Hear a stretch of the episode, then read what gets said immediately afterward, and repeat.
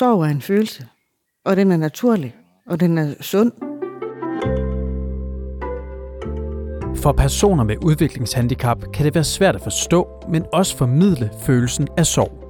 Det betyder, at omgivelserne let kan komme til at overse sorgen, og dermed ende med at efterlade personen i en følelsesmæssig ensomhed. Og hvis ikke man kan håndtere det og være i det på naturlige følelser, så, så mister de jo noget helt andet. Så mister de jo, at de ikke bliver mødt i det, de også føler. Vi oplever sorg, når vi mister. Og hos personer med udviklingshandicap er der potentielt mange flere tab end hos os andre.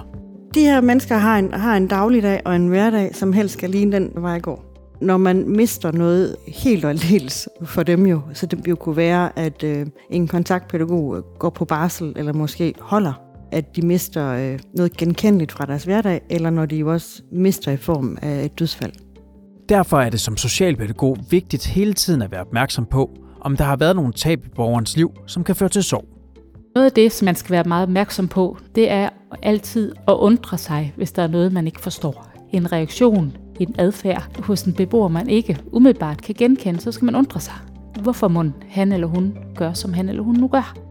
I denne episode bliver du klogere på, hvordan personer med udviklingshandicap oplever sorg, og hvordan du som socialpædagog støtter en sorgfuld borger. Du lytter til Socialpædagogernes podcast, der er en del af vidensuniverset Faglig Fokus. Jeg hedder Ingrid Folkmann Jensen. Jeg er socialpædagog, og det har jeg været siden 2010, hvor jeg blev uddannet. Og siden jeg blev færdiguddannet, har jeg arbejdet i boenhed 18 i landsbyen Sølund. Landsbyen Sølund er Danmarks største botilbud for mennesker med betydeligt og vejet nedsat psykisk og fysisk funktionsniveau. Landsbyen har over 700 ansatte og huser mere end 200 beboere, som typisk lever det meste af deres liv på Sølund. I lige min boenhed, der, der er det øh, typisk ældre øh, beboere, vi har. Og når de flytter ind hos os, så er de der til, de ikke er mere. Det er det sidste sted, de bor. Så jeg har oplevet en del beboere øh, dø i min øh, karriere. Og det er hos os et form for arbejdsvilkår. Så derfor så har jeg også oplevet beboere, der har mistet en, en ven, eller i et tilfælde havde vi et ægtepar, hvor at, at øh, manden døde først, så der stod en hustru tilbage og manglede sin mand. I et mere sådan almindeligt perspektiv oplever vi jo også sorg, når øh, en kollega holder op, så der simpelthen er en kontaktpædagog, der forsvinder fra ens liv, eller der er nogen, der går på ferie. Jeg, jeg ved helt erfaringsmæssigt selv, når jeg går på ferie og er væk i tre uger, når jeg kommer tilbage, så tager det gerne tre uger, før jeg kan sætte de samme krav igen. Så når de hægter sig på nogen relationelt, så har det en stor betydning og en stor konsekvens, når man lige pludselig ikke er der i det omfang, de kan genkende. Så når de også lige pludselig oplever, at der er en, der er væk, så øh, alt afhængig af hvilken relation de har haft indbyrdes, men der kan man godt mærke, at, at det gør ondt på dem. Alle mennesker, både dem med og uden udviklingshandicap, vil i løbet af livet opleve sorg. Dog vil personer med udviklingshandicap opleve flere tab end os andre. Det fortæller Line Rødbæk, der er præst og arbejder på Regionshospitalet i Horsens og på Gudenå Hospice. Hun har desuden tidligere været ansat som præst i landsbyen Sølund. Altså man kan sige, at alle mennesker sørger sådan set over det samme, nemlig tab af relationer. Det er et grundvilkår for alle mennesker, at vi mister mennesker, vi holder af. Og når man har et øh, udviklingshandicap, så er man potentielt udsat for langt flere tab, end vi andre er. Det er både ved dødsfald, det kan være på ens bosted, det kan være i familie, og derudover så kan man også sørge over de relationer, man mister, måske ikke ved dødsfald, men sådan i det hele taget med mennesker, der rejser ud og ind af ens liv. Og når man har et udviklingshandicap, så mister man rigtig mange mennesker, fordi der er mange, der sådan er på, på gennemfart i ens liv.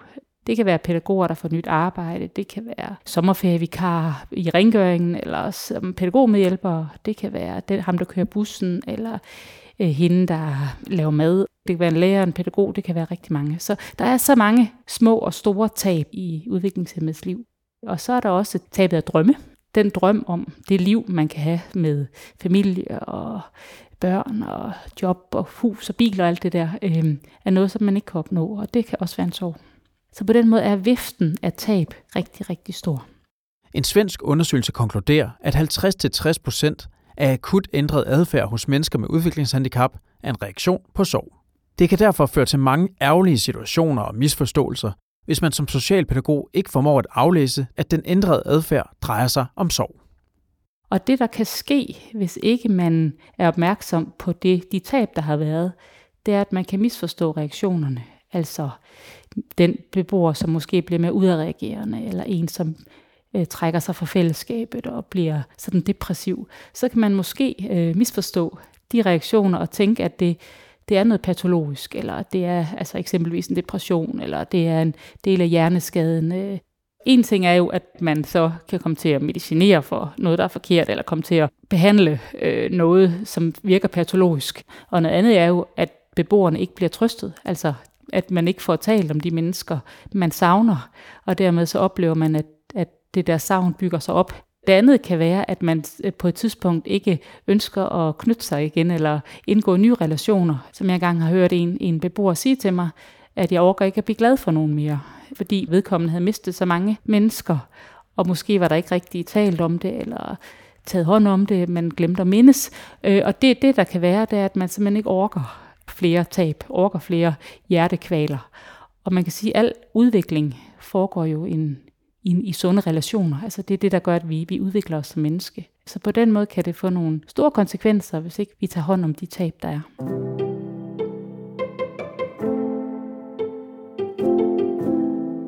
Mennesker med udviklingshandicap kan reagere meget forskelligt på sorg. Nogle lukker sig ind i sig selv, andre reagerer voldsomt, og så er der dem, der slet ikke reagerer. Det oplever Ingrid Folkemand Jensen også som socialpædagog på Sølund. De kan ikke selv sige det, så derfor så er vi jo, det er jo det fineste arbejde, vi har, der er at være detektiver på, hvad er det, der står bag det, vi ser. Og nogle gange så kan det være, at vi ikke rigtig kan se, og det kan også bare være, at de lige pludselig ikke rigtig spiser, som de plejer. Eller drikker, altså sådan helt basalt, eller sover mere, eller sover mindre. Og, og for nogen kan det jo så være mere, et mere voldsomt udtryk ved, at man lige pludselig bliver enormt sur på verden, fordi nu mister man Øh, så indtil at de så finder sit leje, og der er noget gen, bygget noget genkendeligt op ved den nye, så, så kan der godt være noget, som er lidt off. For nogen så er det som også som om, at de bare sådan glider videre. Så kan vi ikke altid mærke noget. Altså, så kan det være en enkelt adfærd, hvor vi tænker, gud, det var mærkeligt, plejer han ikke at gøre. Og så kan der gå en uge, og så falder det på plads igen. Hvor vi andre selv kan opsøge trøst og støtte, og måske endda trække på tidligere erfaringer om sorg og tab, så kan et menneske med udviklingshandicap ikke trøste sig selv. Det skyldes den lavere udviklingsalder, hvor mange jo mentalt blot er få år gamle. Ens følelsesmæssige udviklingsalder øh, er, kan man sige, spiller ind på, hvordan man kan håndtere de her tab. Altså om man også kan, øh, kan rationelt forstå, at mennesker, der har været i del af ens liv, ikke er, er der længere. At man også har nogle redskaber inde i sig selv til at og, og kan man sige, trøste øh, sorgen væk, eller til at lindre sorgen.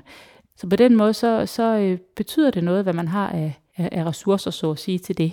Nogle, når de er ked af det, de bliver måske sådan mere apatiske, eller øh, trækker sig fra fællesskabet. Andre, de bliver måske selvskadende eller udadreagerende. Så jeg tror, man vil bruge de her reaktionsmønstre, som man måske alligevel bruger, øh, når, når, man, øh, når, når man mistrives, så at sige, eller der er noget, man, man ikke man er utryg ved. Øhm, og det er så også, at øh, man kan måske misforstå de her reaktioner, og netop at tro, at de er udtryk for noget andet.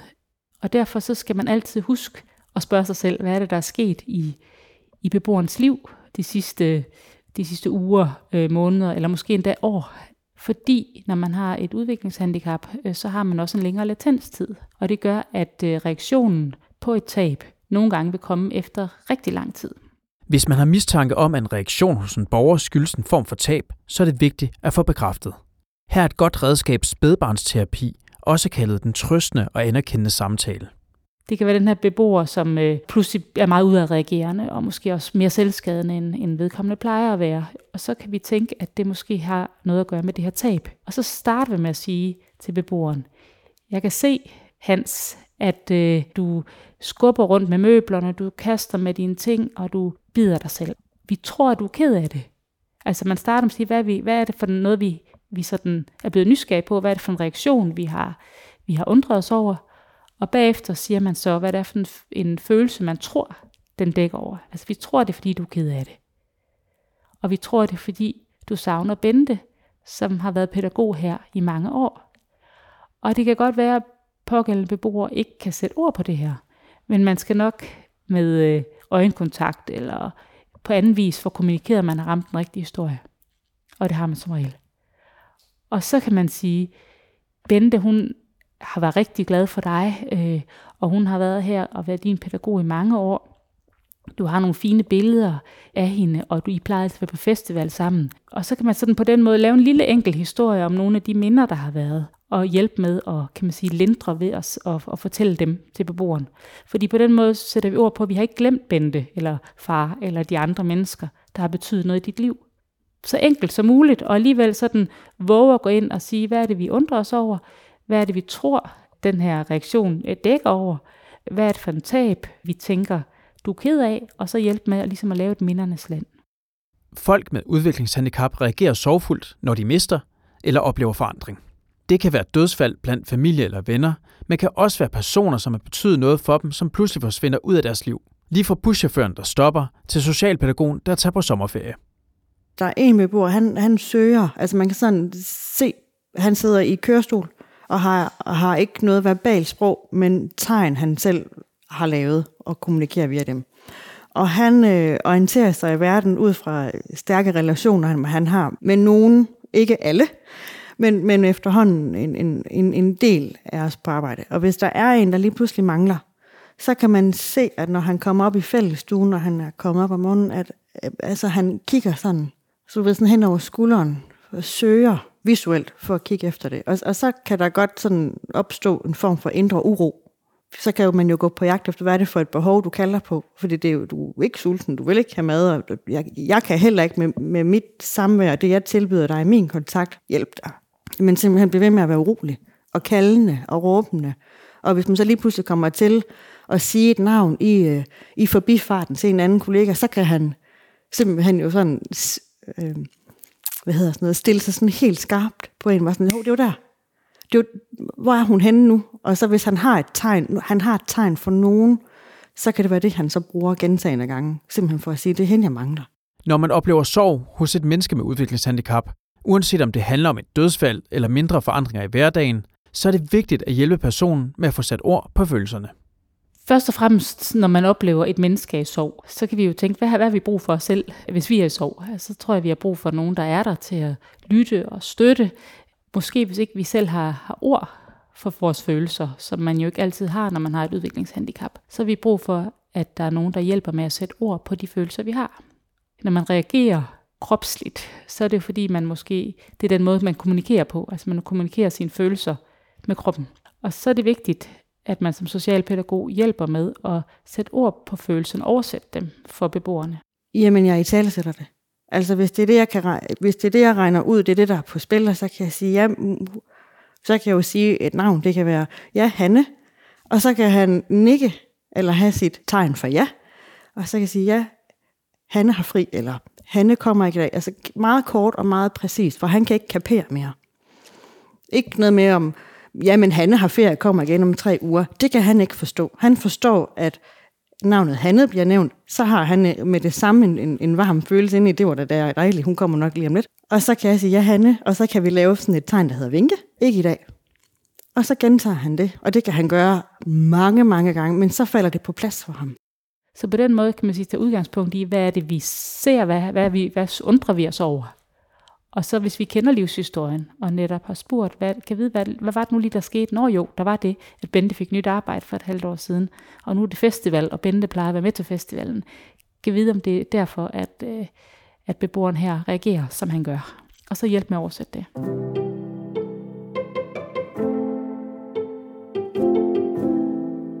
En naturlig del af livet er døden. Også for beboerne på Sølund. Hos personer med udviklingshandicap kan oplevelsen af et dødsfald ramme vidt forskelligt. Altså, der er jo nogen, der bliver ked af det. Der er også nogen, der skal forstå det. Øh, som ikke måske bliver ked af, at det lige præcis er den ven i boenheden, som de måske har haft noget med. For der kan også være nogen, de ikke rigtig har haft noget med, men de bare har haft et naboskab. Men det kan være, at det sætter nogle følelser i relief hos dem, som, de, som vækker genklang. Fordi det er nogle ældre mennesker, vi har. De har prøvet det her mange gange før, nogle af dem. Og nogle kan måske også godt huske deres forældre, eller bedsteforældre, eller søskende er gået bort. Vi er ekstra opmærksomme på, at de forstår, hvad der sker. Vi er ekstra opmærksomme på de reaktioner, de kommer med. Så man kan hjælpe dem i at sortere lidt i det, men, men, men de er jo kede af det. Og det er vi i sammen med dem. Altså, så står vi jo ved siden af dem og er klar til at give dem en hånd eller en kram, og kan fortælle, at der er en, der er død, og nu kan jeg se, at du bliver ked af det. Og så græder de, eller de siger det, eller nogen bliver måske også sure og siger, fandens også, eller et eller andet, fordi det er fandens også ærgerligt, at man ikke skal se ham eller hende igen. Så det er sådan noget med hele tiden at være, være klar til at tage den. Altså, man skal ikke være bange for at gå ind i det. Når man kommunikerer med en person med et udviklingshandicap, så er det enormt vigtigt at være konkret og undgå metaforer og billedsprog. Og når det så gælder døden, så skal man være ekstra opmærksom på, hvilket ord man bruger. Det, der er rigtig vigtigt, det er at være meget konkret, tror jeg også. Altså bruge de rigtige ord om tingene. Altså når man er død eksempelvis, så er man død, så er man ikke sovet ind eller gået bort, eller øh, rejst væk, eller noget som helst andet. Jamen fordi når man øh, har et udviklingshandicap, så tænker man konkret. Og når man hører sådan nogle ord, som at man er sovet ind, eller ens bedste ven er sovet ind, og så har man set, at præsten har været der, og kisten har været der, og bedemanden har været der, så tror jeg ikke, det er så rart, når man selv skal lægge sig til at sove om aftenen. Eller øh, stået og tilbragt en tid på hver eneste dag på at vente på far, fordi far er gået bort, kommer han nu tilbage i dag, mon. Øh, på en måde er det jo en lille smule øh, komisk, og samtidig er det øh, dybt alvorligt, fordi det er mennesker, der tænker meget konkret. Og vi har jo et, mange tabuer omkring død, øh, tror jeg, i vores samfund, som gør, at vi er rigtig svært ved at bruge ordet død. Øh, og det tror jeg også, det er det, der gør, at vi nogle gange kommer til at bruge de her øh, eufemismer eller metaforer for, for døden. Øh, problemet er bare, at når vi arbejder med mennesker, der tænker konkret, så kan det give nogle frygtelige misforståelser. Og så øh, selvom de måske heller ikke beboerne øh, altid forstår, hvad død er, altså sådan rent kognitivt, det, det er jo svært at forstå, hvad, hvad døden er, så det er alligevel godt bedre at bruge de, de rigtige ord, fordi de, mange af dem har erfaringer med død eksempelvis. Øh, de har mistet jamen, medbeboere eller familie, så de ved godt, hvad død handler om. Allerførst så er det jo enormt visuelt. Altså det, det, det er typisk de, øh, det konkrete visuelle, man, man kan tage fat på. Til en udsøgning, så ligger der jo øh, den association genkender de godt, at der er en kiste, der ligger inde i en kiste. Så der er øh, helt konkret.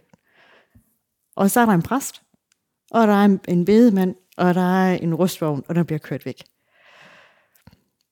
Og så er man jo i det konkrete. Det er altid lidt et puslespil, hvordan vi siger det. Vi siger altid, at der er en, der er død. Fordi det er det, de er. Og det ved de, hvad er. Og, og de ved også det definitivt. Så er der nogen, der spørger, hvorfor. Der skal man lige veje sine ord, alt afhængig af hvem det er, for man kan godt sige, om det var fordi, han var gammel. Og, hvis, og det, kan man, øh, det, kan de, det er der en, der godt kan forstå. Men hvis jeg så i en anden sammenhæng siger til ham, åh, hvad så, gammel dreng, så siger han, jeg er ikke gammel. Det var, det var Kai. Han var gammel, og Kai han er død. Så vi, vi plejer egentlig at være ret igen konkrete og sige, men der er en, der er død. Nogle gange har de, har de brug for en forklaring. Altså, så kommer der nogen hvorfor, og nogle gange så bare sådan, jamen det var en, der var meget, meget træt, eller hjertet holdt op med at slå, for at have et andet billede, men det er ikke givet, de selv forstår rent fysiologisk, at der er et hjerte, der holder op med at slå. Vi kommer ikke med for mange søforklaringer. Et andet godt råd, som præstline Rødbæk vil give videre, er at turde snakke om døden. For de fleste af os er det ikke nemt, specielt når det kommer tæt på. Men her er folk med udviklingshandicap omvendt dejligt bramfri i deres spørgsmål. Altså jeg har oplevet øh, flere gange, da jeg var præst på Sølund, at et dødsfald i et hus, hvor en, en beboer blev bisat, var anledning til, at der var en anden beboer, der fik mod til, kan man måske sige, og få spurgt til, jamen hvad med mig, når jeg dør? Hvad skal jeg så? Og det er igen det, men når man tænker konkret, øh, så er det faktisk ikke ret rart at tænke, man skal, man skal brændes, så vil man gerne begrave sin kiste. Øh, og det der med at få spurgt om den slags ting, det tror jeg, det er noget, som, som mange af os tænker, nu kommer vi langt, langt over hinandens grænser. Det, det våger vi ikke. Og det synes jeg, man skal våge. Man skal våge at tale om den her øh, død, som er, som kommer til os alle sammen. Og, og det, det er altså rigtig vigtigt at få, at få ligesom forvisset om. Der er styr på det. Øh, når du dør, så skal du ligge ved siden af øh, din mor eller far eller bedstefar og, og så videre. Og din kiste skal så se sådan her ud, og du skal have blomster og så videre. Efter begravelsen er det vigtigt, at man holder fast i at snakke om den afdøde. Her kan man gøre flere ting. Nogle går i sovegrupper, andre bruger mindetavler eller mindebøger. Der kan være forskel på, hvor lang tid de har brug for, eller hvor de i hvert fald giver udtryk for, at de stadigvæk mindes sådan. Altså vi har en, som Når der er en, som er, er død, så vil han gerne have et billede til at hænge inde i sin lejlighed af vedkommende. Vi har en mindevæg med både øh, afdøde og nulevende. Og så, hvis ikke at han selv tilfældigvis har et billede af vedkommende, så, så spørger han efter et. Og så hænger det inde i hans lejlighed. Så alt afhængig af, hvem det er, der lige er gået bort. Så øh, efter, øh, nogle gange, så kan der gå måske en uge, og så siger han, nu skal jeg ikke bruge det billede mere, nu, nu skal det ud. Det inviterer jo også til, at han kan pege på billedet, uanset hvem der er med ham, og kan sige, han, hun er død. Og så kan vi sige, ja, det er rigtigt. Og nogle gange så afsted kommer det enten, at han bliver påvirket af det og græder, og så trøster man ham og er i det. Og nogle gange så kan han sige, min mor er også død. Han bruger det som sådan et fælles tredje til at kunne sige, det her det har jeg på hjerte i virkeligheden. Bare simpelthen bare ved at pege på det. Ellers ville jeg jo ikke ane, at det var det, han tænkte på.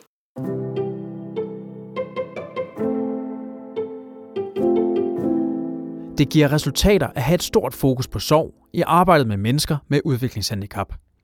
Som socialpædagog undgår man nemlig at misforstå de reaktioner og udbrud, som ses hos mennesker med intet eller begrænset sprog. Nogle gange skal man jo oversætte nogle følelsesudbrud, altså det der med at være detektiv på, hvad er adfærden i virkeligheden udtryk for. Og det kan lige så godt være sorg, som det kan være, at de er sure over noget, eller noget, der er blevet misforstået. Og, og så være opmærksom på, at der godt kan komme nogle reaktioner, for, øhm, som, som, som ligner noget, man aldrig har set før. Så kan der altså godt komme nogle reaktioner ved nogen, som måske ikke har et sprog. Hvor man kan tænke, der er lige pludselig en anden øh, et bevægemønster, eller der kan komme nogle lyde, eller måske en skærpet, eller øh, manglende appetit, eller sådan helt basalt, at der er lige noget, der rammer dem, som de lige skal være i. Præst Line Rødbæk mener, at det kan være en god idé, at man som institution arbejder med en decideret sovhandleplan, som skitserer, hvad man gør ved et dødsfald. Men vigtigst af alt, så har Line Rødbæk to ting, som for hende er hele fundamentet i, hvordan man bør agere over for personer med udviklingshandicap, som oplever sorg. Hvis jeg sådan skal sige ganske kort, hvad jeg synes er vigtigt, når vi taler om sorg, så har jeg sådan to kæpheste. Jeg har den ene er, at vi skal altid øh, være nysgerrige på en reaktion, vi ikke forstår. Vi skal altid spørge os selv, hvad er der sket i beboerens liv, og ikke bare i går og i forgårs, men måske både uger, måneder og år tilbage. Så tror jeg tit, man vil kunne pege på et tab. Og så er den anden kæphest, der hedder, at vi skal altid bruge de rigtige ord om tingene. Altså når man er død, er man død. Også med sygdom, altså forbered, inddrag. Det er rigtig vigtigt. De råd tilslutter socialpædagog fra Sølund, Ingrid Folkemand Jensen sig. Hos os i hvert fald hjælper det, at vi er konkrete. Vi er, altså det, og det kan være helt ned i detaljer, og det kan være, og, og det er kort og præcist, og det er ikke noget med at, at, at gemme noget. Det er det der med at sige, ja nu er der en, der er død. I den retning kan det være, at der er nogen, der har brug for at blive forberedt på, hvad sker der så? Altså, og så kan vi sætte ord på, jamen så sker der sådan og sådan, så er handleforløbet sådan og sådan. Gerne visuelle konkreter, altså et billede, øh, kisten, præsten, øh, de ceremonier, der er, hvis man har udsynning. Øh, for nogen kan det være, at det er vigtigt, at man har en blomst med, for det har de prøvet før. Altså, og så skrive et kort. Øh, jeg har været med til at skrive direkte, hvad der blev sagt, hvor det var, tak for alle de gode snakke. Jeg savner dig.